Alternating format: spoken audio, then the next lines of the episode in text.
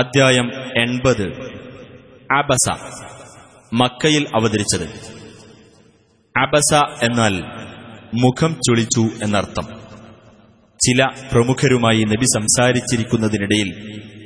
ഒരു അന്ധനായ അനുചരൻ ആ സദസ്സിൽ ചെന്നപ്പോൾ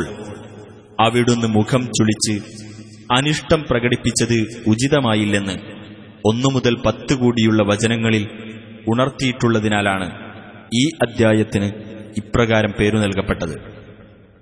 بسم الله الرحمن الرحيم عبس وتولى നബി മുഖം ചുളിച്ചു തിരിഞ്ഞുകളഞ്ഞു أن جاءه الأعمى അദ്ദേഹത്തിന്റെ അടുത്ത് ആ അന്ധൻ വന്നതിനാൽ وما يدريك لعله يزكى നബിയെ നിനക്കെന്തറിയാം ആ അന്ധൻ ഒരു വേള പരിശുദ്ധി പ്രാപിച്ചേക്കാമല്ലോ أو يذكر فتنفعه الذكرى അല്ലെങ്കിൽ ഉപദേശം സ്വീകരിക്കുകയും ആ ഉപദേശം അയാൾക്ക് പ്രയോജനപ്പെടുകയും ചെയ്തേക്കാമല്ലോ أما من استغنى എന്നാൽ സ്വയം പര്യാപ്തത നടിച്ചവനാകട്ടെ فأنت له تصدى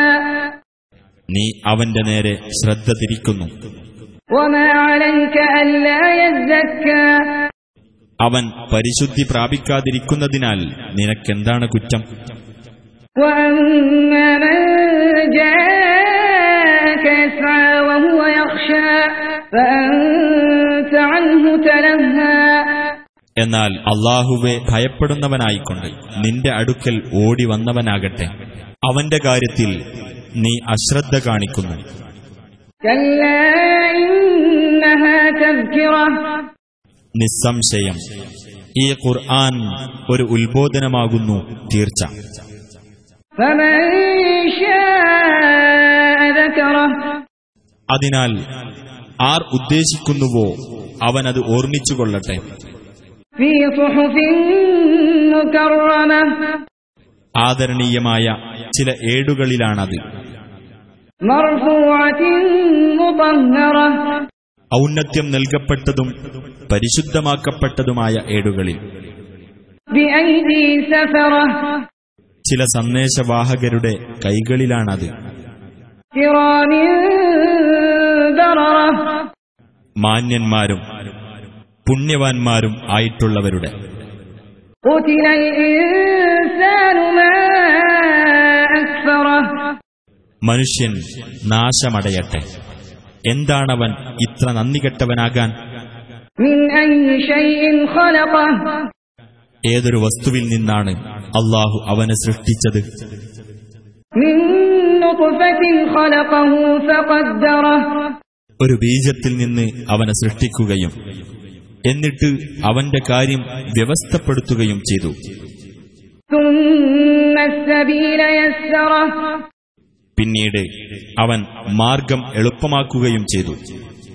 ثم أماته فأقبره അനന്തരം അവനെ മരിപ്പിക്കുകയും കബറിൽ മറയ്ക്കുകയും ചെയ്തു ثم إذا شاء أنشره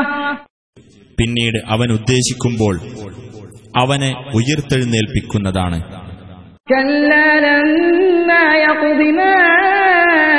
أمره നിസ്സംശയം അവനോട് അള്ളാഹു കൽപ്പിച്ചത് അവൻ നിർവഹിച്ചില്ല فلينظر الإنسان إلى طعامه എന്നാൽ മനുഷ്യൻ തന്റെ ഭക്ഷണത്തെപ്പറ്റി ഒന്ന് ചിന്തിച്ചു നോക്കട്ടെ أنا صببنا الماء صبا നാം ശക്തിയായി മഴവെള്ളം ചൊരിഞ്ഞുകൊടുത്തു ثم شققنا الأرض شقا പിന്നീട് നാം ഭൂമിയെ ഒരു തരത്തിൽ പിളർത്തി فأنبتنا فيها حبا وعنبا وقضبا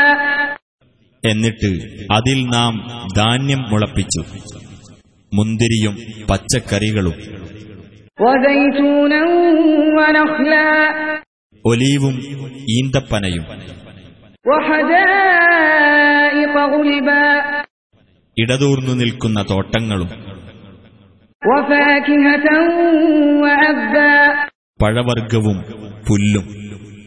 متاعا لكم ولأنعامكم നിങ്ങൾക്കും നിങ്ങളുടെ കന്നുകാലികൾക്കും ഉപയോഗത്തിനായിട്ട് فإذا جاءت الصاخة എന്നാൽ ചെകിടടപ്പിക്കുന്ന ആ ശബ്ദം വന്നാൽ يوم يفر المرء من أخيه അതായത് മനുഷ്യൻ തന്റെ സഹോദരനെ വിട്ട് ഓടിപ്പോകുന്ന ദിവസം وأمه وأبيه തന്റെ മാതാവിനെയും പിതാവിനെയും وصاحبته وبنيه